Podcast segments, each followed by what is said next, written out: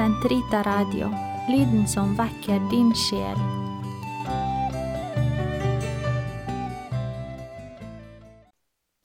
Den katolske kirkes katekisme, uke 51, lørdag 2528 til 2540. Kort sagt, men jeg sier dere at enhver som ser på en annens hustru med begjær, han er allerede i sitt hjerte en ekteskapsbryter. Matteus 5,28. Det niende bud advarer mot begjær og kjødelig lyst. Kampen mot sanselig begjær forutsetter hjertets renselse og øvelse i måtehold. Hjertets renhet vil gi oss å se Gud.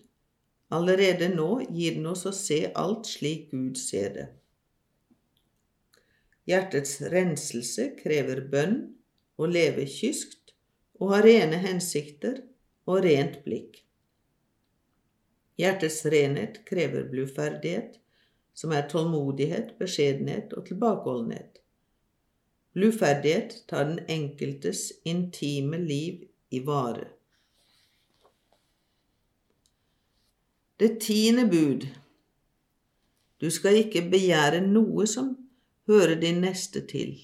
Exodus 2017. Du skal ikke begjære din nestes hus eller jord, hans tjener eller tjenestekvinne, hans okse eller esel eller noe annet som hører din neste til. Deutonomium 5.21.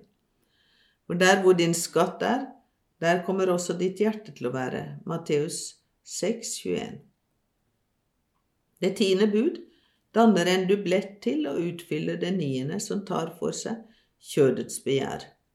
Det forbyr å begjære andres eiendom, noe som er roten til tyveri, ran og bedrag, som forbys av det syvende bud. Øynenes begjær fører til vold og urettferdighet, som forbys av det femte bud. Begjærlighet har, på samme måte som hor, opphav i den avgudsdyrkelse som forbys i de tre første bud i loven. Det tiende bud tar for seg Hjertets hensikt, sammen med det niende, sammenfatter det alle bud i loven. Begjærenes uorden. Det sanselige begjær får oss til å ønske oss behagelige ting som vi mangler. Slik ønsker man å spise når man er sulten, eller å varme seg når man fryser. Slike former for begjær er i seg selv gode, men ofte klarer vi ikke å holde måte og begjærer noe vi ikke har rett til, og som tilhører eller tilkommer en annen. Det tiende bud forbyr begjærlighet og ønske om å skaffe seg ubegrenset av jordisk gods.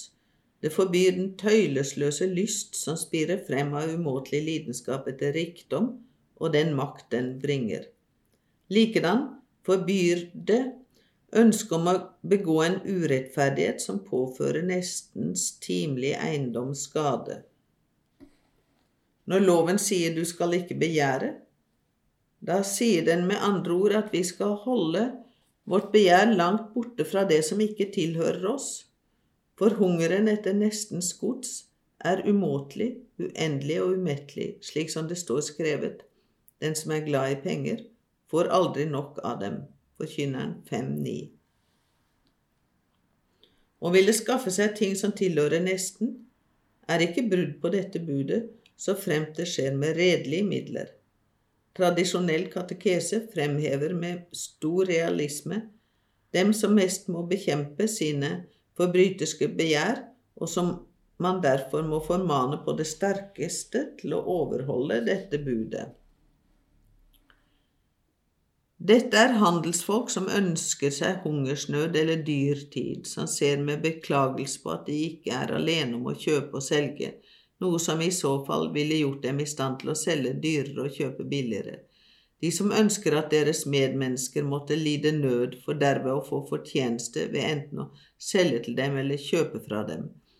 Leger som ønsker at folk må bli syke, jurister som ønsker seg rettssaker og viktige og tallrike rettstvister. Det tiende bud påbyr å bannlyse misunnelse fra menneskets hjerte. Da profeten Natan ville føre kong David til anger, fortalte han ham historien om den fattige som eide en eneste sau, og som han behandlet som sin egen datter, og om den rike som til tross for sin store buskap misunte den første og til sist stjal stauen fra ham. Misunnelse kan lede til de verste forbrytelser. Det var på grunn av djevelens misunnelse at døden kom inn i verden. Visdommen 2.24. Vi slåss mot hverandre, og det er misunnelsen som ruster oss opp mot hverandre. Dersom alle turer frem med å ryste Kristi legeme på denne måten, hvordan skal det da gå med oss? Vi er i ferd med å splitte Kristi legeme. Vi påstår at vi er lemmer på det samme legeme, og så går vi løs på hverandre som villdyr. Misunnelse er en hovedlast. Den innebærer at man føler ubehag ved synet av annenmanns eiendom og gripes av umåtelig begjær etter å skaffe seg den, også ved hjelp av uhederlige midler. Når den leder en til å ønske nesten alvorlig ondt, er den en dødssynd. Sankt Augustin så på misunnelsen som djevelens synd fremfor noen. Av misunnelsen fødes hat, sladder, bakvaskelse, glede over nestens nød og ubehag ved hans velvære. Misunnelse utgjør en form for nedslåtthet og dermed fravær av nestekjærlighet. Den døpte må bekjempe den ved hjelp av velvilje. Misunnelse stammer ofte fra hovmod. Den døpte må øve seg i å leve i ydmykhet. Er det gjennom dere at dere vil se Gud bli herliggjort? Da skal dere glede dere over de fremskritt deres bror gjør, og med ett slag blir Gud herliggjort gjennom dere. Da vil de si at Gud skal være velsignet fordi hans tjener visste å vinne over misunnelsen ved å glede seg over andres fortjenester.